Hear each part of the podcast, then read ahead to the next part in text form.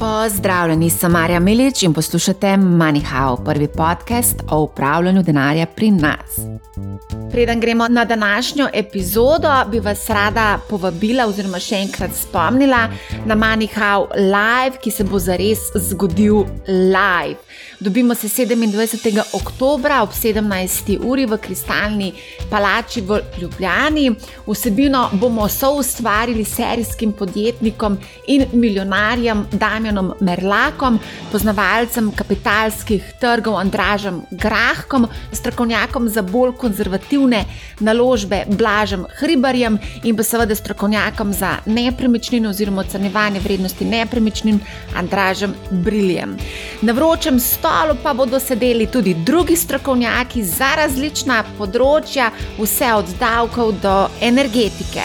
V uvodu bomo najprej pogledali, kje smo. To nam bo predstavil analitik Matej Šimnic, ki ste ga tudi že imeli priložnost večkrat slišati na Mani Hau. Nadaljevali bomo pa z iskanjem odgovora na vprašanje, kam gremo. Obdelali bomo različne tematike, vse od investiranja v času borzne nevihte in prehlado na delniških trgih. Potem, seveda, vprašali se bomo, kje, kako, zakaj, koliko. Tukaj bomo poskušali biti kar se da konkretni.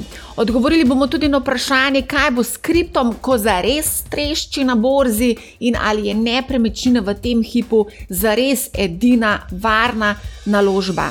Vprašali se bomo tudi, kje bomo čez 20 let. No, predlagam, da se nam pridružite, veseli bomo, če boste z nami, tako da vabljeni. Zdaj pa pojdimo na današnjo zelo zanimivo vsebino. O izzivih bančništva se bom pogovarjala s predsednikom uprave NLB Blažem Brodnjakom. Pozdravljeni, gospod Brodnjak. Dobro dan. Najprej bi se vam rada zahvalila za vaš čas. Vem, da ste zelo zasedeni in da imate ta teden kar nekaj zabukiranih medijskih nastopov.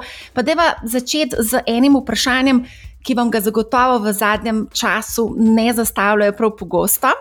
Lahko greva? Prosim. Podjetniki in posamezniki so pogosto precej kritični do bank in bančnikov nasploh. Če pogledamo zadnje desetletje, lahko rečemo, da so bile banke dežurni krivec za marsikaj. Deva samo nekaj grehov naštet za začetek. Banka se očita, da so zakuhale finančno-gospodarsko krizo leta 2008. Banka se tudi očita, da so krivde za nastanek in uspon tajkunov. Banke niso želele financirati gospodarstva, potem ko so prejele pomoč države in so bile enkrat kapitalsko močne. Banke so uvedle zaračunavanje negativnih obrestnih mer oziroma ležarine, kar je nek fenomen v sodobnem bančništvu, pa tudi zgodba, ki predstavlja bolečino številnim najemnikov kreditov, dobiva epilog na sodišču, to so krediti v švicarskih frankih in zagotovo bi lahko še naštevala. Zato redko, zelo redko vidimo, da se vodilni v bankah pojavljajo med prejemniki nagrad za najboljše menedžerje. Vam je to uspelo? Zdaj ste našteli kar nekaj izzivov ne? in se lahko sprašujemo, kateri bančniki so dejansko odgovorni za globalno finančno krizo, ne? katere banke so imele čudne pozicije v svojih bilancah, ne? katere so bile deležne pomoči prepozno oziroma pravočasno in zakaj dejansko niso suportirali svojega gospodarstva. Zato, ker niso imeli kapitala, recimo, ne? oziroma so ga dobili prepozno. Eh, lahko se pogovarjajo o tem, ali slovenke in slovenci res ne razumemo valutnega tveganja. Posila švicarskih frankov so najemali tisti, ki so odrasli v Jugoslaviji in so vsaj njihovi starši, ne oni sami, po prejemu plača najprej leteli na ulico zamenjati eh, svoje dinarje za marke. Ne. In Švicar je še trdnejša, še trdnejša rezervna valuta ne, in v slabih časih bo samo pridobival na vrednosti, ne izgubljal. Tako da to je kar nekaj izzivov prisotnih, zdaj, ki ste jih našteli. Dejstvo pa je, da so banke na nek način se rehabilitirale v času korona krize. Ne. Mi smo seveda imeli izjemno zahtevno obdobje od leta 2013, ko smo prejeli državno pomoč, do 2016, ko smo v tem, tem, tem, tem obdobju dejansko sanirali slovensko gospodarstvo. Še takrat smo banke sploh lahko začele podeljevati posojila. E, namreč ljudem verjetno ni poznano, da so predpisi, ko gre za kapitalsko ustreznost, izrazito restriktivni in da so v zadnjem obdobju še radikalno zaostrili. Ne. In banka seveda ne more posojati denarja, če nima dovolj kapitala na razpolago. In takrat, v tistem obdobju 2009 do 2013, banke niso prejele kapitala, dobile so likvidnostne linije, ki pa nič ne pomagajo. Se pravi, banka mora imeti, da je lahko sposobna dajati posila kapital. In tega finančni minister v tistem obdobju ni razumel, oziroma želel razumeti. Ne. Takoj, ko smo dobili kapital, konec leta 2013, pa že sredi leta 2013, smo pa dejansko začeli pospešeno izvajati kreditne aktivnosti ne, in spremljati slovensko gospodarstvo, kar sicer bi nam seveda bistveno več sistemov ne, padlo, kot nam jih je.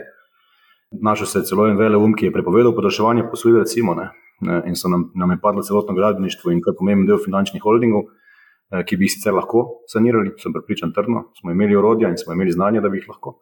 Pa nam nažalost ni uspelo in zdaj so pomembni deli slovenskega ne, eh, gospodarskega sistema v rokah multinacionalk, pa to ne bi bilo potrebno. Eh, ja, kot rečeno, pa v korona krizi smo banke, zato ker smo bile zadostno kapitalizirane, zato ker smo bile dovolj likvidne, dejansko vnaprej predvidele težave, zagotovile likvidnost eh, ključnih gospodarskih sistemov na zalogo, tako da smo korona obdobje preživeli brez večjih pretresov.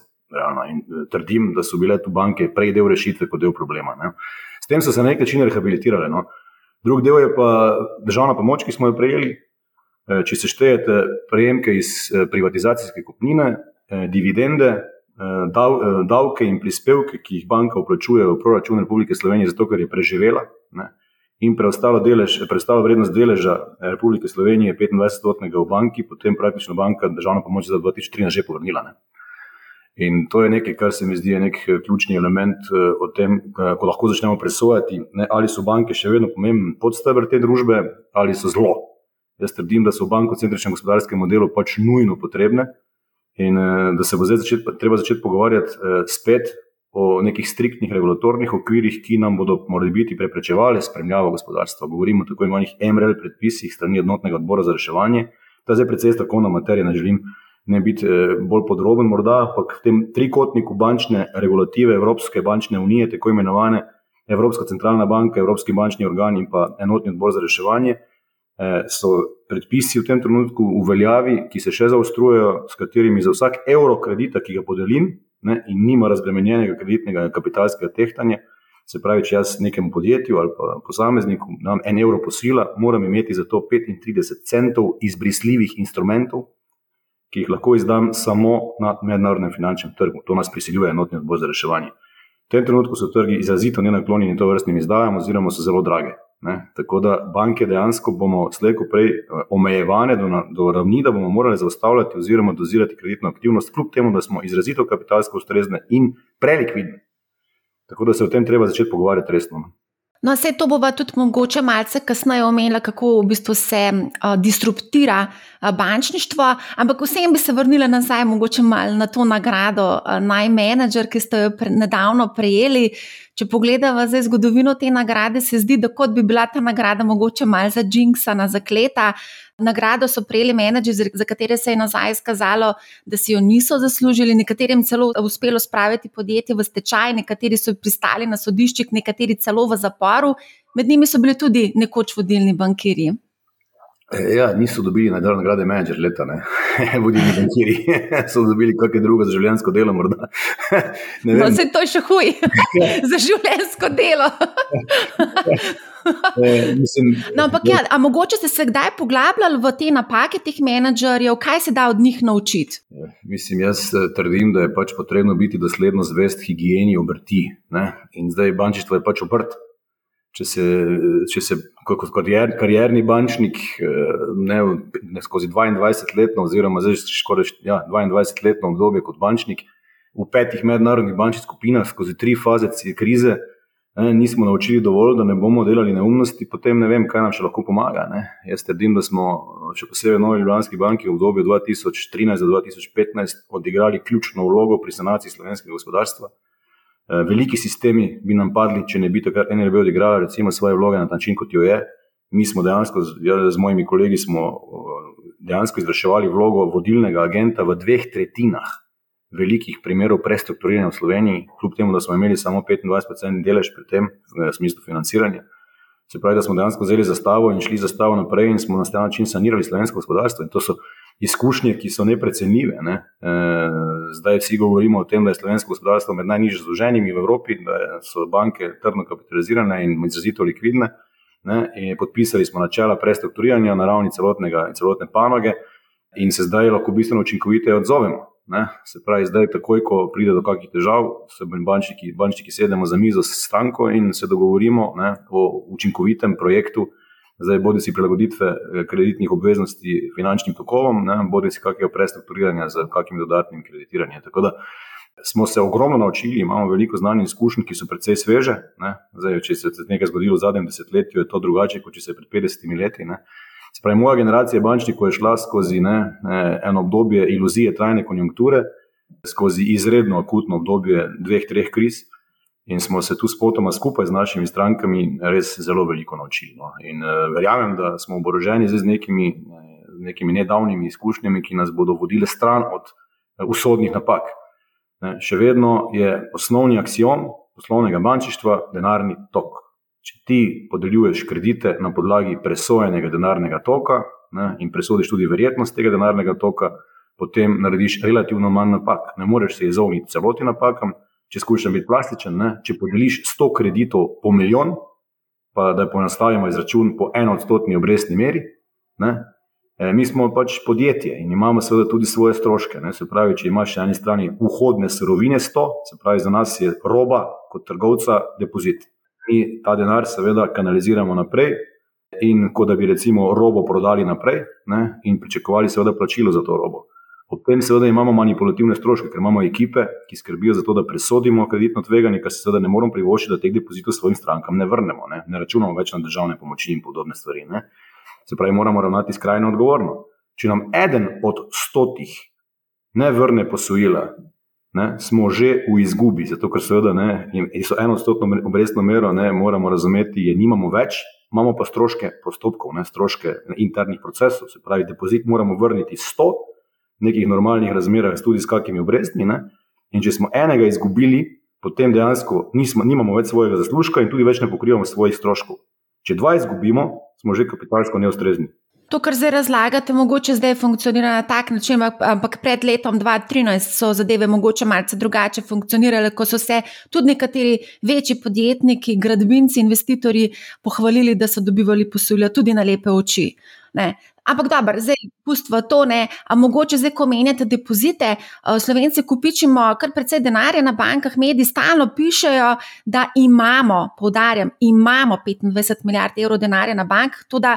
Kdo ima ta denar na bankah? Kakšen odstotek, kolikšen je odstotek komitentov, ki ima večino teh 25 milijard na bankah, kdo to kupiči?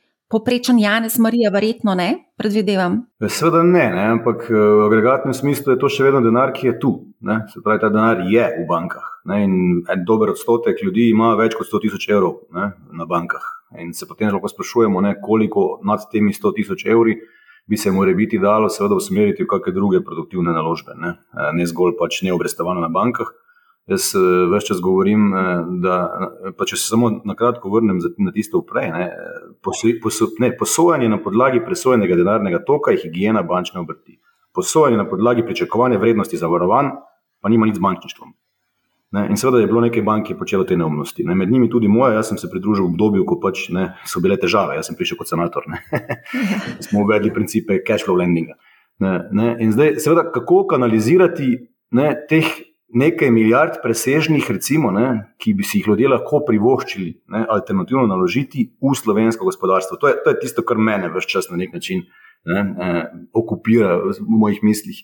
Kako bi lahko mi spodbudili rast slovenskih podjetnikov ne, na način, da zdaj, ko prihaja do generacijskega prehoda, ne prodajajo svojih podjetij multinacionalkam ampak najdejo pot, da se umaknejo v strateško vlogo, vlogo vem, lastnikov, ustanovijo tudi kakšne fondacije in preko njih upravljajo s podjetji, dejansko nastavijo profesionalni management ne, in izkoristijo vzvode za svojo rast na način, da pridobijo dodatni kapital, recimo preko organiziranega trga kapitala. Ne. Se pravi, Sloveniji pač kapitalskega trga praktično nimamo nismo imeli izvedene niti ene javne delniške ponudbe, ne prve javne ponudbe srednje velikega podjetja. Zdaj so fanti naredili eno nepremičninsko zelo obsodno, ampak to ni seveda primerljivo z nekim proizvodnim obratom, ki ima neke mednarodne ambicije. Ne. In v tem smislu je tu en ekstremen potencial za vzvodenje rasti slovenskih podjetij na način, da pridobijo dodatni kapital preko recimo 25 odstotkov minus ene delnice, ne, prodane na Ljubljanski, Ljubljanski borzi. Dodatno s tem se, se spodbudi dodatni potencial za bančno kreditiranje ne, in lahko razvijamo ta podjetja, da rastejo v mednarodnem kontekstu, kupijo kaj zunaj, ne, dejansko organsko rastejo hitreje in gradimo slovenske multinacionalke. Ne. Ko se proda podjetje ne, tuji multinacionalki, se preseli sedež iz Slovenije. Ko se preseli sedež iz Slovenije, se preselijo možgani in to je tisto, kar mene izrazito skrbi. A vas lahko mogoče tukaj samo malo ustavim? Jaz se predvsej veliko pogovarjam z mladimi podjetniki, ki so v bistvu uspeli z neko svojo zgodbo, nimajo ambicije, da bi v bistvu nekako plasirali, oziroma da bi želeli kotirati, da bi njihove delnice kotirali na Ljubljanski borzi. Oni želijo biti v New Yorku, Londonu, na večjih kapitalskih trgih. To je ena zadeva, druga zadeva je pa tudi ta, da številni mladi, ki dobijo veliko kapitala od raznih um, visijo, od raznih skladov, um, se soočajo s številnimi težavami in dejansko so prisiljeni. Sel, sedež podjetja. Ravno pred kratkim sem se pogovarjala z enim mladeničem, ki je naredil Bunnyway, dobo je 6 milijonov evrov nekega ameriškega sklada in je v bistvu razložil, kakšne težave ima v Sloveniji, ko gre za eno tako veliko investicijo. Tako da tukaj v bistvu je treba na ravni države stvari urediti. Ne? Glede, eh, treba je ločevati, ne, eh, potrebno je ločevati med start-up fazo in med fazo razvitega podjetja. Ne. Razvitega podjetja, ki ima trg, ki ima seveda dovolj substance, ne, ki je mogoče pred naslednjim velikim ekspanzijskim korakom. Ne. To je popolnoma drugačna faza razvoja neke družbe, kot je pa start-up faza, ko ti dejansko pridobivaš ne, sklade, eh, denar iz skladov tveganega kapitala oziroma neke prave equity strukturne. Mm. Eh, ko si ti enkrat eh, podjetje, ki ima ustrezno kapitalsko sestavo, ki ima denarni tok, ki seveda lahko redno servisira vse svoje obveznosti in se razvija in vlaga, ne, je samo vprašanje potem, ali lahko pospešiš to rast. Ne, ali zato potrebuješ dejansko kotacijo na londonski in newyorški borzi, ali potrebuješ neke investitorje, ki so ranga, pravi, da imajo seveda zelo visoke zahteve, da glede odnosa na kapital in tako naprej. Ne, ali se lahko razvijaš skladno s svojimi nekimi ne, pričakovanji razvoja tega podjetja. In, eh, potem ne potrebuješ nujno prvič tako veliko kapitala, drugič pa ne kapitala iz to vrstnih struktur, ampak ne, ga lahko pridobiš dejansko na organiziranem trgu kapitala preko nekih rednih postopkov javne izdaje, ne, prve javne izdaje ali pa ne, nadaljnih izdaje. In v tem kontekstu je seveda potem povsem vseeno, kakšno je poreklo tega denarja. In če imaš razpršeno lastništvo, seveda ti tudi ne solijo pameti, nujno ti majhni lastniki, ne? ampak dejansko želijo deliti uspeh s teboj, ker tebi zaupajo. Ne? In uh, zakaj ne bi razprši, razpršeno slovenkam in slovencem, ne? E, uspešni slovenski podjetniki, eh, odprodali manjšinskih deležev, ne? jih seveda izplačevali dividende, eh, postali transparentnejši s svojimi ne? poslovnimi načrti, pričakovanji in razkriti. Eh, in s tem, seveda, tudi vzpostavili korporativne strukture v teh podjetjih, ne, da bi bila še robustnejša, nastavili, seveda, dodatne neke eh, profesionalne talente in to je to. Mislim, to je, to je... A vas lahko zmotim, mislim, da imamo odgovor. Jaz mislim, da naši podjetniki ne razumejo tega našega kapitalskega trga oziroma kapitalskega trga nasploh. Mislim, da tukaj je izredno pomankljiva finančna pismenost podjetnikov. Zato se ne odločajo za to, verjetno ne. Pa ne vem, gledajte, mi, mi izvajamo uh, regijske dogodke že štiri leta, ne, ravno na to temo. Ne, in jaz pridigam posod, da naj si pogledajo model lastninja Nove Ljubljanske banke, ne, kjer ti lahko tudi s 25-stotnim deležem imaš določene statutarne varovalke, ne, tako kot ima Republika Slovenija. Brez Republike Slovenije ni mogoče spremeniti statuta Nove Ljubljanske banke. Seveda pa ne more ne, uh, politika vplivati na vodenje dnevnih poslov. Podjetniki lahko dejansko dajo, uh, pridobijo ta dodatni denar, brez da dajo vzvode iz svojih rok. Ne? In kot rečeno, greš v prvi fazi s 25 minus 1, ohraniš statutarno kontrolo, ne polno statutarno kontrolo, potem greš na 50 minus 1 ne? in ohraniš večinsko kontrolo. Na neki točki, če lahko omejiš glasovalne pravice drugih vlagateljev ne? na 10 odstotkov, 25 odstotkov, kot je v našem primeru, kakorkoli, nišče ne more biti pomembnejši od tebe, posamično ali kot povezana oseba.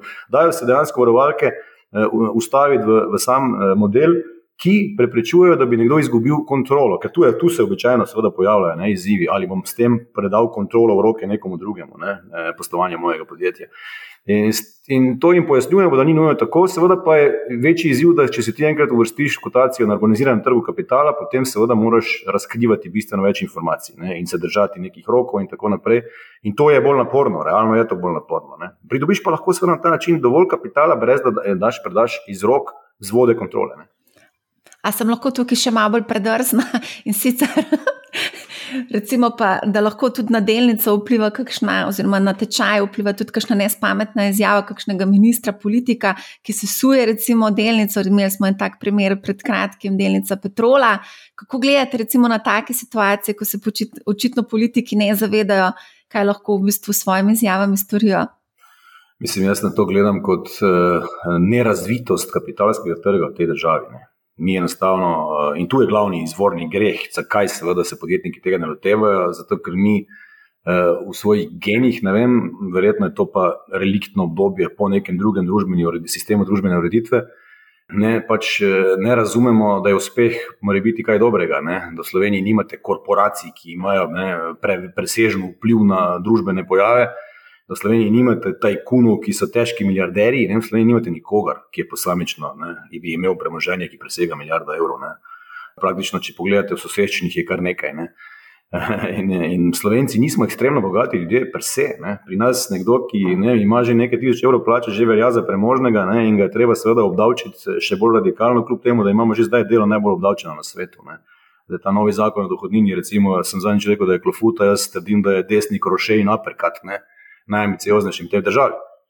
Ne. 50% obdavčitev pri 74 tisoč evrih bruto, lepo prosim. Ne. Če tisti en odpustek, ki so ga dobili z eno variabilno plačo, ki ni bila obdavčena, se zdaj odzema stran, to je, mislim, to je, to je sporočilo vsem najambicioznim državam, izselite se iz te države.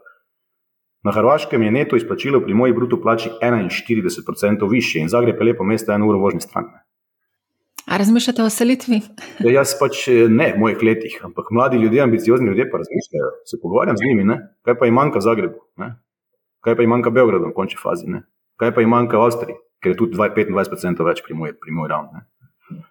Tukaj se moram kar strinjati z vami. Um, a gremo mogoče nazaj na vašo delnico? NLB je v bistvu edina slovenska banka z delnicami na kapitalskem trgu. 2018 ne, se je zgodil ta famozni IPO, prva izdaja delnic pri ceni 51,50 evra. Če danes pogledamo na borzo za delnico, treba odšteti malce več kot v IPO in sicer 55 evrov za delnico, v začetku leta je bila 80 evrov za delnico. Kako gledate na to dogajanje na borzi, na gibanje tečaja? Ja, gledajte, mi, če pogledate še štarotno štiriletno obdobje, ne, imate nekaj manj kot recimo 7% rast tečaja, imate pa na drugi strani visok dividendni tok. Ne. Mi smo dejansko izplačevali zelo visoke dividende v tem obdobju decembra, če ne bodo regulatori prepovedali, zdaj nekaj začenjajo govoriti o opozarjanju o izplačilih dividend in izplačevanju nagrad in podobno, podobno kot korona obdobju. Ne. Če ne bo prepovedi, bomo mi na naslednjih tednih sklicali skupščino in izplačali še drugo polovico letošnje dividende, kar pomeni, da bomo plačali 5 evrov ne, nominalno na delnico, pri ceni 55 evrov je to koliko, ne, slabi 900 donos. Ne. In če pogledate, koliko tega je bilo v zadnjih letih, in ne, da je tudi delnica zrasla, imate z našo delnico še vedno ne, lep donos v štiriletnem obdobju od trenutka IPO-ja, tam je 30%, verjetno. Ne. Kar ni slabo. Ne. Če gledamo, da smo praktično v obdobju tretje svetovne vojne, ne. jaz to obdobje jemljem kot tretjo svetovno vojno, ker se vseeno pravičujem, ne, ne, ne spuščajo se še ne jedrski izstrelki, ampak načeloma pa sicer se dogaja geostrateški obračun vele sil. Ne. E, in e, v takem obdobju e, poslovati zdravo, pozitivno, ne, in mi bomo, kot kaže, letos dosegli rezultate, ki bodo presegli 10-odstotni donos na kapital. Ne, in kot rečeno, izplačali tako visoko dividendo, se mi zdi, da je to pač neka obljuba svojim delničarjem, ki je dobro izpolnjena. Ne. Bomo videli, kaj bo naslednje leto, glede na to, ne, kaj se bo čez zimo dogajalo. Točno to želimo vprašati. Lahko v okolju povečane verjetnosti nastanka recesije banke ostanejo še naprej dividendne krave? To je veliko vprašanje, eh, ki, ki, na katerega bodo morali, kot sem prej omenil, ne, odgovoriti tudi regulatori in nadzorniki. Se pravi, Evropska centralna banka je začela signalizirati, ne, da bi naj banke bile bolj previdne pri izplačevanju uh, dividend. Videli smo v letu 2020, da so prepovedale izplačilo dividend. Ne, se pravi, en omejitveni dejavnik potencialno bo lahko regulatorno okolje. Drugi omejitveni dejavnik pa dejansko, kaj se bo zgodilo s ceno elektrike ne, in z obavljivostjo plina in razumno ceno plina, ki bo sta definirala v principu eh, poslovno sposobnost naših eh, industrijskih podjetij. Ne. Mi se moramo zavedati, da Slovenija je tretje najbolj diversificirano in močno industrializirano evropsko gospodarstvo. Eh, mi imamo jeklarsko industrijo, mi imamo papirno industrijo, ne, imamo še aluminijsko industrijo in tako naprej, in te so seveda energetsko precej potratne. In ta podjetja so, seveda, potrebujejo 24 ur na dan v pasu dobavo eh, plina in električne energije ne, in po razumnih cenah. Če bo cena elektrike čez 300 evrov, bodo ta podjetja zaprta, ker se ne splača organizirati proizvodnje pri teh cenah, ne, ker ne bodo uspele prevaliti teh stroškov na, na svoje kupce. In ti kupci imajo plan B in plan C. Ne? In tu je glavni izziv, ki ga vidim z nekim signaliziranjem. Bomo pa za tri mesece zaprli industrijo, ne, ne bomo. Ne? Oziroma bomo verjetno pol trajno. Ne? Zato, ker seveda, kot sem omenil, kupci imajo plan B in plan C. In ameriški proizvajalci jim plačujejo za elektriko 70 evrov, kitajski pa 90. Ne? Nihče 300 plus. Zdaj ste našteli kar nekaj tveganj za v bistvu bančni sistem. Tem, če bi se slučajno gospodarstvo zapiralo, to pomeni tudi odpuščanje, rezane plače in podobno. Ampak preden greva na to, bi mogoče sam še, ker ste tako lepo povedal, 9-odstotna dividendna donosnost. Mogoče tukaj v tem kontekstu lahko omenjava tudi vašo izdajo obveznic, zadnjo serijo podrejenih obveznic brez določenega končnega roka zapadlosti v nominalni vrednosti 82 milijonov evrov. Prvih deset let ne bi se obrestovali obrestni meri 9,721 odstotka letno. To se zdi na prvi pogled zelo, mislim, kar precej, pre, precej visoka, do, visoki donos oziroma te obresti. Blaž Hriber je sicer, ko sem se z njim pogovarjala prejšnjo epizodo, je rekel, da to obveznico bolj primerja z delnico in da v tem primeru je donosnost za njega preniska. Kako komentirate in kdo so, to, kdo so bili kupci te obveznice, recimo konkretno? Tak papir je v bistvu hibrid. Ne? Zato, ker je na eni strani podrejena obveznica, hkrati pa dejansko banki zagotavlja kapital. E, to je tako imenovana AT1 obveznica, ki dejansko je dodatek k osnovnemu TIR-1 kapitalu. E, ta, ta obveznica banki dejansko e, daje praktično ekvivalenten status kapitalu in ji sprošča poslovno sposobnost. Ne. Zato ima v bistvu naravo kapitala, je pa dejansko formalno pa obveznica, ki je podrejena ne, drugim eh, ne, eh, nepodrejenim obveznostim. Ne, v tem smislu, da so najprej poplačene redne obveznosti in potem šele ta obveznica poplačena. Tako da ima v bistvu status kvazi kapitala in zato tudi cenovno umeščena, ne, nekoliko pod kapital in nekoliko nad klasično obveznico, ki je bila recimo izdana junija po 600 obrestni mer, tako ena senior preferred obveznica. Ne. Zdaj se pa seveda lahko sprašujemo, ali so te ravni obrestnih mer zelo visoke, če živimo v obdobju 10-odstotne inflacije. Če imamo 10-odstotno inflacijo in ti nekdo zagotovi na res dolgi rok kapital, ne, ali je plačati 9,7% preveč. Ne. In eh, tu je kolega kar pravilno ocenil, ne, ker gre za eh, inštrument kapitalske narave, smo mi s ceno zadovoljni. Ne. Seveda bi, bi si želeli, da bi bila nižja, in lani bi bila polovico nižja, ne, ampak lani nismo imeli ne, to vrstnih razmer in nismo imeli 10-odstotne inflacije ne, in smo imeli negativne obrestne mere sicer. Ne. Zdaj, od julija naprej imamo pa novo paradigmo normaliziranja obrestnih mer. Ne. Zdaj vsi govorijo o velikih skokih obrestnih mer, mi, še, mi smo še vedno na zgodovinsko gledano na zelo ugodnih nivojih. Ne. Euribor je še vedno ne šestmesečni pod 2 odstotka. E, ne, s pribitki skupaj je skupna obrestna mera, recimo na 30-letnih stanovanjskih posojilih, še vedno 3,5 odstotka, kaj takega, ne, pa še malo manj, ne, kar je seveda še vedno zelo, zelo ugodno. Samo Euribor je bil 5 odstotkov leta 2009. Ne. Eh, in zdaj, kje se bo pa seveda ustalile te nove ravni obrestnih mer, je pa zdaj vprašanje za kristalno kroglo. Ne? Kako bomo uspeli obvladati inflacijo? Slednjo bomo uspeli obvladati samo, če bomo zmanjšali agregatno povpraševanje, sicer to ne bo mogoče. Ne? Zdaj pa s tem, ko reguliramo cene energentov na ravni gospodinstv na način, da je nafta zdaj na avtocestah spet ne, popolnoma po sprejemljivi ceni, da gospodinstva ne bodo plačevala več za elektriko in več za plin, kako sporočilo je s tem, eh, je to ljudem da moramo spremeniti vedenje, ali da ga ni potrebno spremeniti. Ne? In eh, te paradigma, ta paradigma je nevarna. Ne? Zato sem jaz vse čas govoril, da če želimo eh, trajnostno, eh, iskreno ravnati v interesu na nek način preživetja civilizacije in planeta, potem bomo morali porazdeliti ta vremena. Ljudje moramo kolektivno spremeniti svoje vedenje. Ne? In ker smo nagnjeni hedonizmu, generalno, ne, ga ne bomo, če ne bomo za to plačali cene.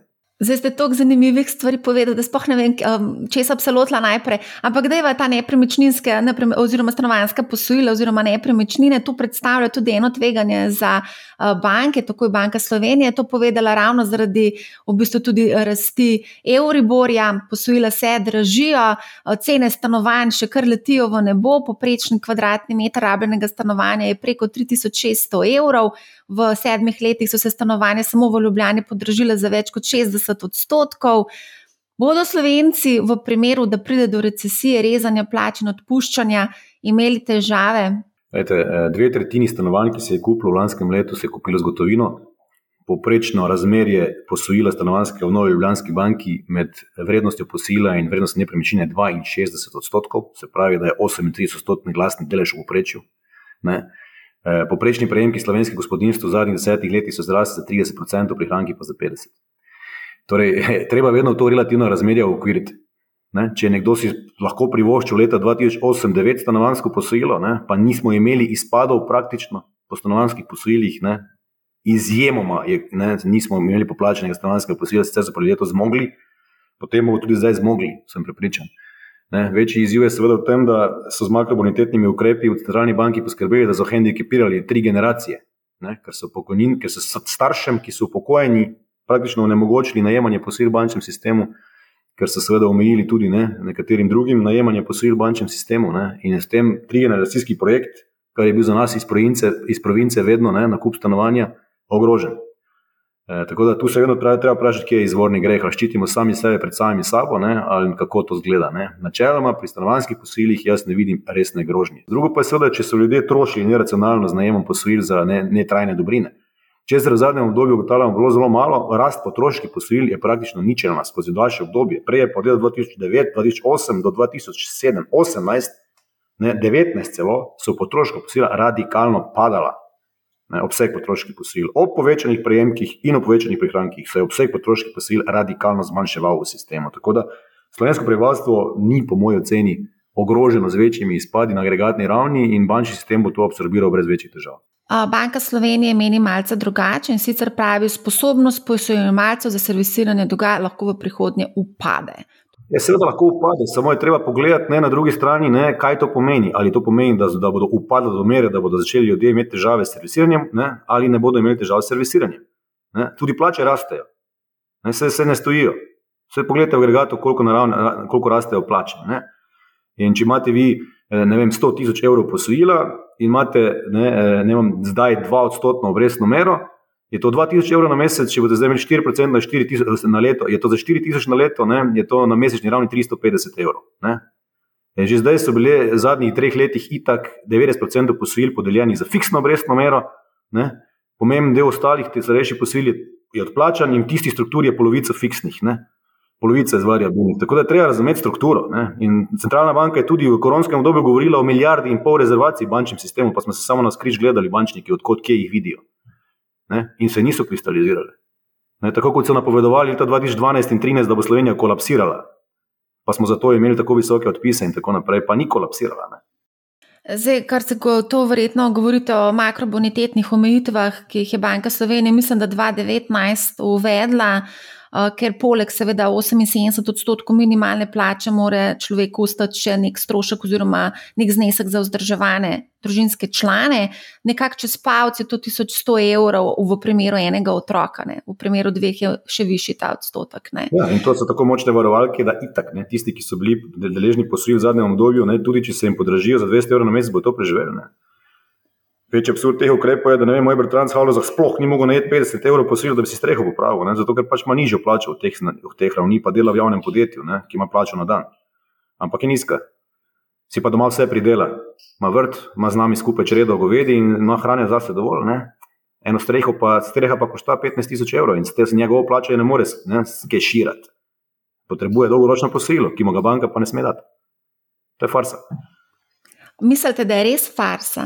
Ja, Ker ljudje bodo najprej plačali v bistvu obrok za stanovanski kredit, in šele potem bodo vem, kupili otroku z obleč ali pa hrano ali pa nekaj. Ne? Bolj jih je strah tega, da bodo ostali brez strehe na glavo. Sej sami veste, kakšne, so, kakšne imajo stroške. Um, vaši komitenti. To je podcenjevanje ljudi in izhajanje iz tega, da, so, da, je, da v Sloveniji obstaja samo Ljubljana za okolico. Na slovenskih provincah, na vseh se ljudje navajeni skromno živeti, hrano si praktično pridelajo sami, eh, ne, eh, ne kupijo ničesar, kar ne potrebujejo in ne zapravljajo. Ne. In zato načeloma bodo seveda preživeli, ne. prilagodijo se na kupne košarice, v končni fazi streha pa tudi ne sme puščati. Ne. Tako da je treba vedno razmišljati o tem sorazmerno in ravnovesno, ne pa paušalizirati. Seveda so nekateri, ki trošijo presežno in bodo zdaj imeli težave, potencialno, ne. ampak poprečni slovenci so izrazito konzervativni in najemajo posojila za stvari, ki jih potrebujejo ne pa kar na pamet. Ne? In 50 evrov obroka po fiksni obrestni meri, ali pa 100 evrov obroka po fiksni obrestni meri, oni prenesejo. Če pa jim tega ne smemo dati, potem pa seveda je problem, ne? ker si pač ne bojo ni strehe mogli popraviti. Ne? Večji absurd teh omejitev je, da ni omejitev za leasing in da ni omejitev za nekatere druge ponudnike na trgu, ki niso bančni in niso regulirani in nihče ne kontrolira njihov način izterjave. Jaz bi se strinjal s to vrstnimi ukrepi, če bi veljali za vse ponudnike na trgu. Očitno pa centralni bankiri ne mislijo, da je problem tako akutno velik, ne, da bi bilo potrebno omejiti tudi druge ponudnike na trgu. To je pa absurdno, diskriminatorno in neustavno. Vse banke so se zelo hitro prilagodile tudi tem ukrepom, so našle neke obvode. Nekatere banke vabijo cele družine k zadolževanju za nakup stanovanja. Je to v bistvu primerna strategija, da se zadolžijo vsi v familiji, zato da kupijo eno stanovanje? Vse načeloma ne, je to nekaj, kar je bilo pričakovati. Vse sicer so itak bile tudi vse družine prisotne, vse ni bilo drugače možno. Vse si imel vedno zadaj, če ni bilo formalno kot poroštvo, so pa starši pomagali na ta način, pa so sami najeli posojila, ne, pa so, ne, zdaj pa pač je drugače, zdaj pa pač formalno ne, pristopajo. Pa, ne, ni bilo veliko drugače. Za mene spluja na Ljubljani, kdo nam je, kako bi mi dva kupila v Ljubljani stanovanje, brez da bi starši pomagali, pa ne tri generacije, v bistvu. moji, njeni, pa skupaj smo že imeli posojila visoka. Se, nek, se ni šlo drugače. Ne. Mi smo vsi ljubljani rojeni, pa podedujemo stanovanje. Ampak ni problem v tem, da so stanovanja v prestolnici vprašanje. S povprečno plačo si vi v nobeni evropski prestolnici ne morete privoščiti stanovanje za nakup. Poglejte, kakšne so cene na Dunaju, in če imate poprečno plačo, si boste težko privoščiti, če na boljši lokaciji. Ne? Poglejte si ne, stanovanje v Parizu, v Londonu, v Berlinu, pa poprečno plačo, pa poskusite ga kupiti. E, jaz govorim o tem, kako poprečni slovenci živimo. Slovenija je precej razprošena.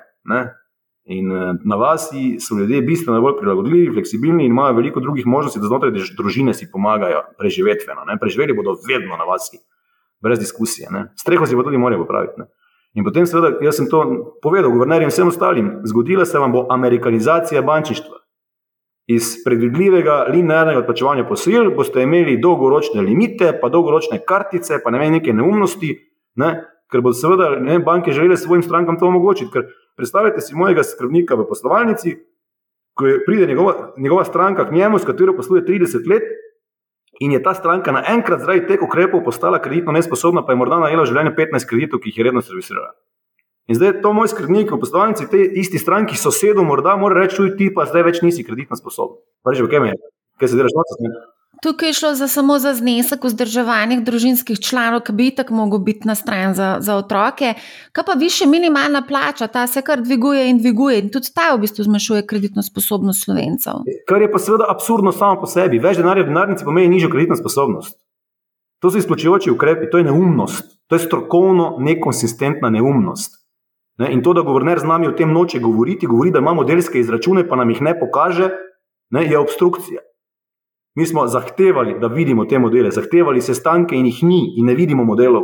V celotnem koronskem letu 2020 se je vodstvo centralne banke z vodstvi bank srečalo dvakrat, pa smo imeli zaprto industrijo. V obdobju finančne krize smo se z viceguvernerjem srečevali na 14 dni. Vsi smo vedeli kolektivno, kakšno stanje je v posamičnem podjetju. Zdaj so centralni banki na, na drugem planetu in živijo v svoji galaksiji. Jih ne zanima realnost na svetu. A vas lahko mogoče še to vprašam? Nekatere banke so zdaj umaknile posojila po fiksni obrestni meri. Se vam to zdi primerna poteza? Ja, gledajte, nekatere manjše banke imajo seveda drugačne ne, možnosti ščitanja svojih tveganj. Nimajo dostopa na mednarodnih finančnih trgih do ščitanja pozicij. Ne. Vi, moramo se zavedati, mi imamo kratkoročne vire ne. in imamo dolgoročnih depozitov. Mi imamo 30-letnih depozitov po 1%, da bi vam lahko dali 30-letni kredit po 3%. Ne. Osnovni posel bančništva je tako imenovana ročnostna transformacija. Mi delamo, podeljujemo dolgoročna posojila, v bistvu iz kratkoročnih virov. Ne? In če se zdaj zgodijo hitri premiki, visoka inflacija, hitra rast obrestnih mer, ki bo ne, zahtevala na neki točki rast depozitnih obrestnih mer, boste kar naenkrat soočeni s položajem, da boste imeli 30-letno posojilo podeljeno po 2 odstotka, za kratkoročne depozite boste plačevali 3%. A je to vzdržen poslovni model? Ne, ne morete vi plačati za robo 3, pa jo prodati za 2. Ne, to je valam Fordu mogoče, ne, ne pa v realnem svetu. In to, to, to situacijo lahko vladajo velike banke, ki imajo seveda na medbančnem trgu dostop do ne, eh, rešitev ščitenja obrestnega tveganja. Ne. Mi tako imenovane makro-hedge instrumente uporabljamo, ne, ker dejansko na portfeljski ravni sklenemo obrestno zamenjavo ne, in zaščitimo dejansko naše tveganje. Za kakšne manjše banke, za kakšne manjše zneske, ne, ali pa če ima matico v, v, v tujini, pa si ta matica ne, na agregatni ravni lahko privošči tudi samo omejen obseg ščitanja, bo seveda najprej ščita svoj lastni trg, ne, eh, matični uh mhm. -huh. trg. In se bo z manjšimi trgi, ne, satelitskimi trgi, ukvarjala v bistvu bolj eh, v omejenem obsegu. Oziroma, ne, nekdo pač, ki je premajhen, da bi bil statistično pomemben v svojem sistemu, ne bo deležen to vrstnih instrumentov. In zato banke umikajo fiksno ponudbo na dolgi rok, ker ne morejo zaščititi obrestnega tveganja. Um, večkrat smo že danes omenili inflacijo. Um, vaše storitve so ena dražjih v primerjavi s konkurenco. Vem, da ne marate to slišati, ampak tako to je. Ne? Ali zaradi povišene inflacije razmišljate o dvigovanju cen bančnih storitev? Torej, vedno je treba pogledati košarico ne? in relevantno košarico. To je pač moj odgovor, standard. Ne? In potem, seveda, kaj vi dobite za naš paket. Ne? Ker dobite 24-7 video klepet, podporo za vse možne storitve, razen hipotekarno zavarovanega stanovanjskega kredita. Zdaj pa vam to, kaj pomeni, pa ne bo drugo vprašanje. Ne? E, lahko pogreste v svojem diskontorju, kjer te storitve nimate. Ne? In je, ta primerjava je vedno prisotna, zato nekateri kupujejo v diskontnih trgovinah, nekateri pa v nekih drugih trgovinah. Ne? In pač mi nismo nujno primerni za vsakogar, Ne, eh, trdimo pa, da pač ponujamo pač primerljivo kakovost, ne, eh, oziroma primerno kakovost za ceno, ki jo, ki jo zaračunavamo. Ne. Eh, se počutim, kaj bi drugi del vprašanja, če me spomnite. Če razmišljate o dvigovanju cen? Ne, gledajte, zaenkrat pač cene se prilagajajo sproti, ne, za nekih radikalnih dvigih ne razmišljamo, ne, seveda se pa dvigujejo obrestne mere zdaj. Ne, to je pa dejstvo. Ne, zato, ker seveda mi na drugi strani enostavno ne moremo več ščititi to vrstnih tveganj na isti način. In ker, kot vidite, ne, za vsak evro, kot sem prej omenjal, kredita, ki ga podelimo, ne, in ki, za katerega ni možno zmanjšati kreditnega tehtanja, moramo imeti 35 centov izbrisljivih instrumentov. In ti izbrisljivi instrumenti nas zdaj stanejo, kot vidite, od 6 do 9,7 odstotka. Kako naj jaz podelim kredit ne, po 2%, če moram ne, za 35% ne, tega kredita najeti vir, ki me stane od 6 do 10%? In to vprašanje jaz naslavljam na enotni odbor za reševanje, da s tem dejansko ubijajo ekonomiko bančnega sektorja, ker mi te obrestne mere plačujemo morskim psom iz tujine, namesto da bi jih zadrževali v Sloveniji. Ne smo rekli, pa dajte nam dovoliti, da sklepamo depozite slovenskim podjetjem, ki so osvečeni vlagatelji in bomo ustrezno jim razložili in bodo sprejeli tudi tveganje morebitnega izbrisa. Ampak na ta način bodo te visoke obrestne mere vse ostale v Sloveniji. Ta denar bo ostal v Sloveniji, zdaj ga pa dejansko ne, mi plačujemo iz Slovenije neznanim investitorjem ne, v tujino. Tako da to je, to je absurdna situacija sama po sebi. Močne retail banke z vlastno depozitno bazo ne, ponovno prisiljujejo v odvisnost od mednarodnih finančnih trgov.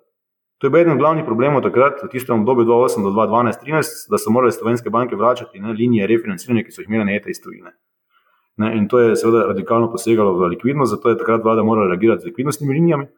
Zdaj pa mi trdimo, da ne potrebujemo teh linij, in nam jih regulatorni okvir, ne, ki se še zaostruje, zdaj je bilo 31,8 centa, zdaj bo do naslednjega leta 35 centov za evro ne, kredita.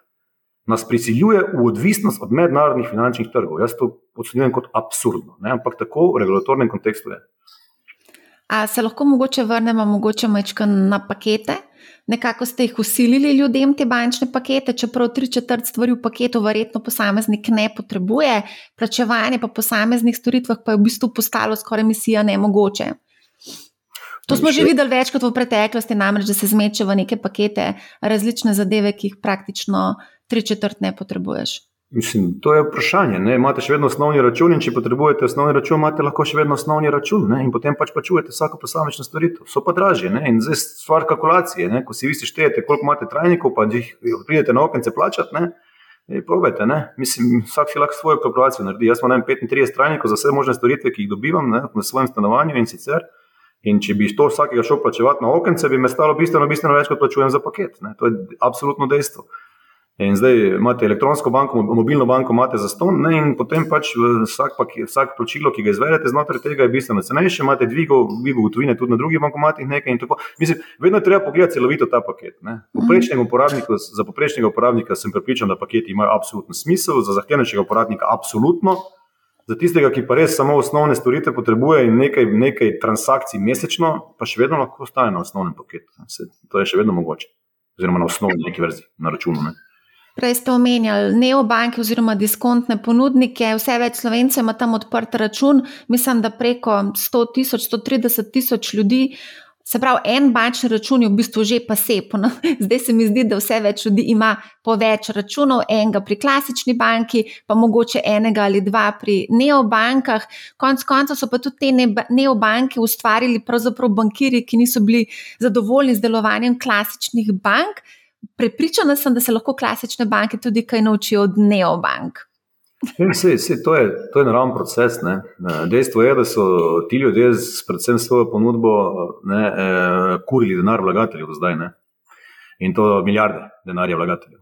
pogledati morate tudi na končni, končni štanci ekonomiko. Ne. Eno je plemenita ideja, drugo pa je ne, poslovna vzdržnost to vrstnih ponudb. Ne. Vi ne morete dolgoročno oziroma neomejen rok trajanja ponujati nekih stvari za ston ali po ekstremno nizkih cenah. Vi ne morete postati konkurent bančni dejavnosti, eh, če želite ponujati posojila, ker potem postanete banka z istim regulatornim okvirom. In potem kar naenkrat ugotovite, ne, da je biti banka zelo drago. Zato, ker morate seveda imeti zelo robusten sistem poročanja, ker morate imeti ogromno varnostnih sistemov in mehanizmov, ker morate imeti seveda visoko kapitalsko ustreznost, ker morate imeti uvedene striktne mehanizme preprečevanja pranja denarja ne, in tako naprej. Se pravi, biti banka je zelo drago ko ti tekmuješ z, enim, z, enim, z eno rešitvijo, ne, za katero še ne potrebuješ nujno bančne licence, ne, je, se lahko id na nekih takih stvari. Ampak, gledaj, ti ponujaš en, ne vem, učinkovit prenos denarja. Ne, ali pa ne vem, nakup kripto premoženja, oziroma kripto zapisov, jaz to imenujem, to za me ni premoženje, to so zapisi. Ne. In na ta način, seveda, eh, lahko tekmuješ v enem delu. Če pa ti potrebuješ stanovansko posilo, pa je seveda ne boš dobil ne, od revoluta. Ne. Eh, če sem konkreten. Ne? In seveda takrat boš prišel po klasično banko in takrat boš seveda se tudi z nekom pogovoril o, o malo širše, o nekih dolgoročnih ambicijah ne, gospodinstva, pa se boš kakšno vrčevalno schemo za študij otrok sklenil, pa boš ne, se pogovoril o kakšni naložbi investicijske sklade, pa čem drugem. Eh, o kakšnih malo bolj kompleksnih stvareh, pa recimo življenjskim zavarovanjih in podobnih stvareh, to se pa želiš pogovoriti z nekom, ki ga poznaš in mu zaupaš. Zakaj bi to želel sploh na banki sklepati, zavarovanja? Ja, zato, ker pač banka to ponudi in če zaupaš ti svojemu bančniku, da ti upravlja z denarjem na tvojem depozitnem računu, ne, potem, ne, in če je strokovno podkovan z vsemi licencami, se jih izdružujemo te ljudi, ne, eh, mu pač zaupaš ne, in ti svetuje. In če mu verjameš, potem pač skleniš tak posel tam na enem, na enem mestu. Zakaj bi se s šestimi pogovarjal, če lahko z enim ne, se pogovarjaš o vseh univerzalnih finančnih storitvah? Ne. Zato. In ljudje to sklepajo. Pač mi, mi smo, pravi, bančniki so tudi strokovnjaki za zavarovanje. Seveda, se mi prodajamo. Za investiranje. Glede, no, ja, jaz vem, kaj banke vse ponujajo. Absolutno, ne. zelo dobro poznam uh, ponudbo bank, ampak ne pravim, da pa dobiš lahko zelo dobre rešitve na bankah, ne sploh pa ne od bančnikov, ki sedijo za šalterjem. Glede, mi imamo v naših poslovalnicah ljudi, kot rečeno, ki so izobraženi in s ustreznimi licencami in dovoljenji. Teh, teh je več sto v Novi Banski banki, ne tistih, ki vam nujno procesirajo plačilni nalog. Mi imamo sedne bančnike, ki grejo skozi res, eh, resne procese izobraževanja. In Nova Ljubljanska banka je iz nič razvila uh, življenjsko zavarovalnico Vita, ki je zdaj v lasti Sava skupine, ampak mi smo jo praktično prodali do 2019 in do takrat je bila 100% lasti, oziroma 50% lasti NLB in KBC, ki ima danes 20-odstotni delež na trgu klasičnih življenjskih zavarovanj. In to smo mi razvili kot banka. Se pravi, mi nekaj od teh življenjskih zavarovanj vemo, tudi v življenjskih zavarovanjih z naložbeno komponento. Na drugi strani smo iz nič razvili družbo NLB skladi, ki je v 100% lasti Nove Ljubljanske banke ki ima 38% tržni delež na, na, na, na trgu investicijskih skladov v Sloveniji. Nekaj o tem, verjetno, mora znati, da lahko prideš iz nič do 38% tržnega deleža. Ja, mislim, da tudi veliko slovencev je vse opeklo s tem, ko so sklenili naložbe na življenjska zavarovanja, ker niso, ustrezno, niso bili ustrezno informirani, kaj ta inštrument sploh pomeni. O tem sem jaz zelo poglobljeno pisala in študirala in analizirala, in dejansko se je izkazalo to kot za eno slabših, v bistvu, slabših produktov, ki so. Eh, se ponujali strankam? Ja, gledajte, ne, spet odvisno pri katerem ponudniku, kak produkt, ne, težko je govoriti na pamet in pavšalno. Ne. Se strinjam, da so seveda tu kakšni, ki so izkoriščali stvari, ki so, ne, kakšni produkti niso bili najustrezneje parametrizirani z vidika dolgoročne perspektive, ne, ampak na teh se seveda učimo vsi in smo se kaj tudi naučili. Ne. Eh, dejstvo pa je, da je treba razumeti eh, življenjsko zavarovanje z naložbeno komponento kot še vedno zavarovanje. Ne. Ljudje mislijo, da je potem to samo naložba. Ni to samo naložba, to je kombinacija zavarovanja in naložbe. Lepo ste povedali, ljudje mislijo točno to, tega, ker ne razumejo, ker je preveč kompleksen produkt že v osnovi. Ne bova, a greva mogoče, zdaj ste omenili kripto tudi, ne, a, pa me zanima, a, ideja kripto je v bistvu drugačen finančni sistem. A, tudi nekatere finančne institucije so sedle na ta kripto vlak in ponujajo trgovanje s kriptom in še druge kriptoprodukte. A NLB tudi mogoče kaj o tem razmišlja? Recimo? Ne, ne. Mi smo si zapisali na nek način svoj vrednostni sistem, da želimo delovati kot mentor, in mi svojim strankam ne bomo ponujali stvari, ki imajo dnevne volatilnosti po 30 in več odstotkov. Eh, jaz celo trdim, da bi to vrstne rešitve na finančnih trgih morale biti za fizične osebe prepovedane kot vlagatelji. Zato, ker ravno ne, o tem ne, se ne morejo, pa nimajo absolutno nobenega vpliva ne, na to vrstno premoženje, ki kot rečeno za me ni premoženje, ampak je za elektronski zapis v sistemu, ker za tem ni nobene realne substance, ni ne obljube nobenega suverenega izdajatelja denarja, kot je neka centralna banka in podobno. Ne. E, za razliko, seveda, ne, če mi govorijo, pa ja, kaj pa če imam denar centralne banke, dobro, ne, imaš vse nek organ neke suverene države, ki ima ne, vse možne dovoljenje in v končni fazi se ne uraž pri izdaji denarja in je, lahko pač natisne ta denar, za katerim stoji obljuba neke nacije, ne, oziroma neke, nekega narodnega gospodarstva. Če pa ti seveda imaš nek zapis, ki izhaja iz nekih eh, modelskih eh, rudarjenj, ne, eh, pa lahko špekuliraš, da bo to nekoč postalo nadomestno plačilno sredstvo. Ne, ampak zato pač absolutno ne sprejemam poimenovan valuta, ker valuta mora izpolnjevati vse svoje osnovne kriterije. Ne. In če ti nekaj, in bi bila hranila z vrednost, če pa ti imaš dnevne volatilnosti od 30% ne, ali več, zato, zato ker se en premožen gospod, ki misli, da je revolucionar, glih pri vsem, kar počne, odloči, da bo odvitnil nekaj, ne, in se zgodijo dnevni premiki cen za 30% zaradi izjave posameznika, to za me ni, se upravičujem, to za me ni naložbeni razred. Jaz bi ga za fizično sebe prepovedal. Um, zdaj, ko omenjate tega gospoda, pa njegova čivkanje, um, tudi vi, konec koncev, veljate za enega bolj odprtih bančnikov, oziroma če lahko rečem, da ste tako outspoken, pogosto se oglašate, komentirate, kritizirate na družbenem omrežju LinkedIn, ne, ne na Twitterju, kot, tako kot ta gospod. Za slovenske menedžerje blue chipov to ni najbolj običajna praksa. Mislim, da jaz ne kritiziram, jaz strokovno argumentiram. Ne? To je za me malo različna stvar. Ne? Ne? Ker moj, moj namen ni nekoga črniti, moj namen je dejansko delovati v smislu ustvarjanja vrednosti. Ne? In verjamem v svojo domovino, sem iskren domoljub in vidim, da imamo ekstremne priložnosti. No, se zadnje se nam ravno v teh mesecih ne, dogaja, pa letih dogaja. Eh, stoletna priložnost premika globalnih nabavnih verig v našo smer. In mi, seveda, eh, očitno tega ne razumemo. Ko če pogledamo, kaj se dogaja z, z nekimi spremembami zakona o dohodnini, pa zakona o varstvu potrošnikov in podobnimi stvarmi, gre v smeri zmanjševanja konkurenčne sposobnosti slovenskega gospodarstva, ne povečevanja. Ne. In uh, zato se pač oglašam, ker, ker mi je žal priložnosti, ki bodo šle mimo, ker drugih bodo pa znali izkoristiti. Um, zdaj vidim, da nam že malce časa zmanjkuje, pa bi mogoče samo na hitro še konsolidacija bančnega trga, obeta se združitev nove KBM oziroma OTP uh, in SKB-ja. Uh, kako, koliko bank menite, da bi slovenski trg potreboval? Uh, imamo preveč, zdaj imamo 14 bank.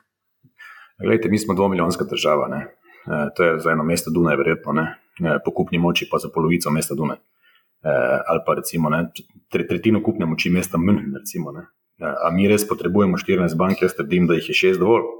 Ne, s tem bomo imeli neko normalno ekonomiko bančnega sektorja in še vedno dovolj visoko konkurenčnost, da ljudje ne bodo prikrajšani ne, za konkurenčne storitve. Ne. Eh, zdaj, ali in kdaj bomo prišli do tega števila, bo pokazal čas.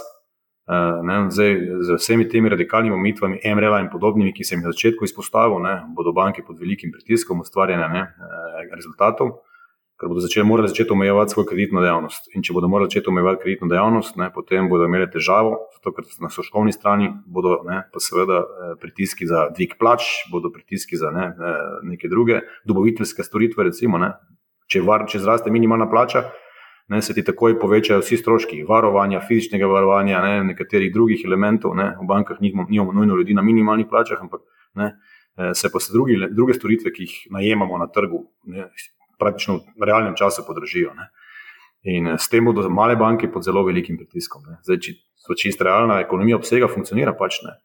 Če Nova Ljubljanska banka seveda vlaga en, en odstotek svojih prihodkov v trženje, oglaševanje, v programe družbene odgovornosti, ki so prepoznani in na ta način seveda povečuje ogled institucije ne, e, in ne vem, se gre programa okvir pomoči sport, šport mladim in podobnih projektov, ti projekti nekaj stanejo. Ne in si jih seveda Nordijska banka lahko privošči, kakšna mala banka si jih pa ne more privoščiti. Ne? In se potem ta, eh, ta razlika v zaznavi ne? Eh, neke pojavnosti, neke institucije bistveno poveča. Ne? Eh, in je težko tekmovati ne? z velikim igralcem, ki ko se njegovi peji, tako imani peji, sestavijo. Ko, ko je cenovno konkurenčen, ko je procesno konkurenčen, ko je. Ne, komunicira intenzivno in kakovostno, ne, ko se aktivnosti sestavijo tudi v, poslo, v poslovanju, To so pač zakonitosti tržnih, tržnih ne, nekih razmer ne, in bo zelo težko malim, malim, malim bankam dejansko na naslednjih letih. Bančna kriza se nam obeta nova bančna kriza. Zdaj Evropski odbor za sistemska tveganja pred tednom dni izdal pozorilo o tveganjih za finančno stabilnost v EU. Imeli smo zgodbo Credit Suisse, Deutsche Bank, verjetno še kakšna banka, ki je v zadju. Um, a mislite, da je ta scenarij na mizi? Bančniki sicer nočejo, da se govori o bančni krizi, ker jih je strah uh, tega bankrana, oziroma da bodo ljudje pobrali depozite in jih imeli pod polštrom doma. Ne, gledajte, eh, pozicije bank slovenskih so popolnoma drugačne v smislu naložb. Se pravi, mi, mi imamo dejansko depozite in na drugi strani večinoma prebivalstva in slovenske gospodarstva in kredite ne, prebivalstva in gospodarstva. In to je to. Mi nimamo špekulativnih derivativnih papirjev, ne, nekih drugih pozicij v naših bilancah. Eh, mi smo odvisni od zdravja našega gospodarstva, v bistvu, bolj ali manj. Ne. In če bo cena elektrike na razumnih ravneh, če bo plin na razumnih ravneh in dobavljiv, ne, potem nas ni sploh strah. Potem bo slovensko gospodarstvo dejansko v izjemno dobri koži še naprej.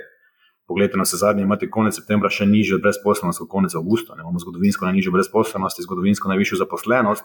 Rezultati leta 2022 slovenskih podjetij v agregatnem smislu bodo izjemno dobri, verjetno zgodovinsko najboljši. Je pa skrb, kaj bo potem naslednje leto, ko se seveda, če ne bo solidarnosti v Evropi, če ne bo dejansko iz Avstrije in Italije prihajale zadostne količine plina, če ne, ne bo, če ne bo prišlo do dogovora o kljub vsemu omejevanju cen energentov, ne, potem bomo imeli pa seveda izziv pri, pri družbah, ki so energetsko intenzivne ne, eh, in bomo morali tam seveda razbremenjevati likvidnostni pritisk. Zato sem večkrat omenil že tudi predstavnikom slovenske vlade eh, in, eh, in, eh, centralne banke, da naj iz predalov potegnejo rešitve iz korona leta. Se pravi, da v tistem trenutku začnemo uvajati moratorije na plačila posojil, ki niso penalizirani, penalizirani z ne, statusi slabih posojil, da mora biti nov denar v tem ni penaliziran statusom slabih posojil, ker to posega v kapital bank in zmanjšuje sposobnost, ne, in da država pripravi mehanizme za subvencioniranje čakanja na delo in skrajšanega delovnega časa. Imamo rešitve in smo znali to preživeti 2020. leta. Koliko časa pa lahko živimo na tak način, da vedno potegnemo te adute iz našega rokava, ko nam malce zaškriple? Tu nam ni malce zaškripalo, ne? imamo svetovno vojno. Lejte, ko gre za eksogene dejavnike, niso slovenski podjetniki kar naenkrat ne postali nekonkurenčni na trgu. Evropski industriji se je zgodilo, da imamo svetovno vojno z jasnimi cilji in nameni, da se destabilizira evropsko industrijo. Mislim, A kar tako, tako da svetovno vojno. Ja, ne smemo biti naivni. Ne smemo biti naivni. Dogaja se geostrateško pozicioniranje hegemonov, vele sil in pritisk iz strani Rusije, ki pa koristi tudi Kitajski in Združene države Amerike, je za destabiliziranje in zmanjšanje poslovne sposobnosti evropske industrije. Mislim, kdo misli drugače, se pač slepi, je naiven. Jaz sem zgubil svojo naivnost. Ne? Okay. Ja. A, lahko, a lahko mogoče, glede na to, da imate apetite v regiji na Balkanu, uh, Srbija zelo simpatizira z Rusijo, recimo konkretno v tem primeru, ampak konec konca za banko, ki deluje v tej regiji, pa so določena tveganja. Recimo centralna banka Srbije je prejšnji teden dvignila ključno obrestno mero na 4%, srpska dolgoročna veznica poskočila na 7%. Zagotovo predstavlja tudi poslovanje v teh državah tveganje za banko, NLB. Lejte, te države so v to vrstnih razmerah praktično skozi zadnjih 20 let. Ne. Edina konstanta tam je nekonstantnost, nestanovitnost, spremembe. Ne. Če pogledate, vi, recimo, na Bosno in Hercegovino danes, oni izvažajo 40% svoje električne energije in podjetja in gospodinstva v Bosni in Hercegovini plačuje 50 evrov za elektriko. Govorim, govorim s kolegi iz Banja Luke, ki mi govorijo, da nemška podjetja prihajajo z jasnimi cilji, da bi organizirala proizvodnjo v Bosni in Hercegovini. Kdo je poraženec? Kdo je zmagovalec? Rusi, Srbijo moramo razumeti. Srbiji Evropa kaže korenček, potem pa odriha s palico in govori o vladavini prava. Ukrajina dobila status kandidatke po hitrem postopku, Bosna in Hercegovina ni vredna zaupanja zaradi vladavine prava. A je v Ukrajini vladavina prava na prvem mestu v oligarhični državi skorumpirani? Mislim, daj, dajmo, dajmo se narediti čistega vina, prosim, lepo. No? Zakaj se odriva Zahodni Balkan, ki je obkrožen z Evropsko unijo? Potem pa se seveda omogoča to vrsta manipulacija in seveda, kaj pa prestane s trgom drugega, kot trgujejo globalno, če Evropa se z njimi poigrava treba jim dati perspektivo, jih potegniti v Evropo in potem seveda preprečiti to vrstne stvari. Ne. In sem pripričan, da seveda, seveda ne bodo ogrozili svoje evropske prihodnosti. Ne. To smo pripričani. Kaj pa tveganja za banko konkretno v, v tem okolju? So? Srbija ima 16 milijard evrov deviznih rezerv in je sposobna absorbirati ne, tako valutne, valutne pritiske, kot na drugi strani seveda energetsko sliko. Srbi so seveda dogovorili, Srbi niso ne, rusofili, ampak so seveda pragmatični. Eh, in v tem smislu ne, na drugi strani so si zagotovili za tri leta naslednja pač ugoden plin. Zdaj, če težko jim to kdo prepove, dokler niso v Evropski uniji. Zakaj pa niso v Evropski uniji, pa treba vprašati nekaj v Bruslju in Frankfurtu. Zakaj ne bi dva milijona hektarjev najrodovitnejše zemlje, neizkoriščene v Republiki Srbiji, spravili v kontekst samo skrbe Evropske unije? Komu je to v interesu, da se to ne zgodi? Verjetno večjim. Ampak, da pa za konec mogoče samo še pogledati v vaš, vaš naložben portfelj. Sami tudi aktivno kupujete delnice NLB, imate jih, mislim, da trenutno 1700 delnic. Po zadnjem tečaju, če preračunava to, koliko je vreden ta vaš portfelj, je 93.500 evrov. Prejeli boste, če seveda bo šlo čez vse skupaj, 8500 evrov bruto dividend. Zakaj ste investirali v delnice NLB? Um, mogoče sledite pravilu oziroma reku Put your money where your mouth is, ali imate še kakšne druge delnice, druge naložbe? Ete, jaz pač primarno vlagam to, kar meni vlagam v delnice NLB-ja. Vsake toliko časa pač kupim 100 lotov. V privatizaciji sem celo najel posojilo dolgoročno, zato da takrat več nisem imel toliko prihrankov, ker se v to zgodbo verjamem. Ne? Tako kot sem leta 2013, ko se je govorilo o izbrisih, ne, vložil vse, kar sem takrat imel, pomembno nad 100 tisoč evrov v dolgoročni depozit v Novi Ljubljanski banki. In sem to tudi vsem zaposlenim povedal. Ne? Takrat se je govorilo o izbrisih na 100 tisoč evrov, ciprska kriza in tako naprej. Ne? E, če ne verjameš v svoje podjetje, potem seveda ne, kako naj pričakuješ, da drugi verjamejo. Tako da absolutno bom še vlagal v delnice Nove Ljubljanske banke, eh, vsake toliko časa. Eh, sicer pa razprašujem svoje naložbe, nekaj vlagam v investicijske sklade, eh, veliko vlagam v kmetijska zemljišča v zadnjem obdobju, iskreno, eh, v halozah. Ne kupujem njive, pašnike, vinograde za prehransko samo skrbo. Če bo res prišlo do večjih težav, bomo mi preživeli kot razširjena družina, brez nekih večjih izzivov. Tu sem videla nekaj na Facebooku, ste objavljali La Familia, nekaj, nekaj na to, nisem čest dobro. Družinski, jaz se kot seveda bančni, vlogi bančnika ne, s tem ne ukvarjam, jaz sem bolj po, pokrovitelj na nek način družinskega projekta, moj brat je nosilec te dejavnosti, oče je bil nekoč menedžer, danes je pa kmetovalec in pri 71 letih preživi 10 ur na dan na traktorju in nagrado. In uh, je en, en, en lep projekt, ki verjamem, da bodo moji otroci potem z njim se lahko tudi ukvarjali naprej, moja hči študira v tej smeri. Jaz sem pa tu bolj uh, moralni in Eh, finančni podpornik, ker eh, en del pač tega denarja, kot rečeno, vlagam v kmetijska zemljišča. Super. Gospod Blaž Brodnjak, predsednik uprave NLB, hvala za zelo, zelo zanimivo debato. Želim vam veliko uspeha še naprej. Najlepša hvala tudi vam, iskreno se najboljše. Hvala tudi poslušalcem in gledalcem. Poslušajte Manihau, ne bo vam žal in lep pozdrav.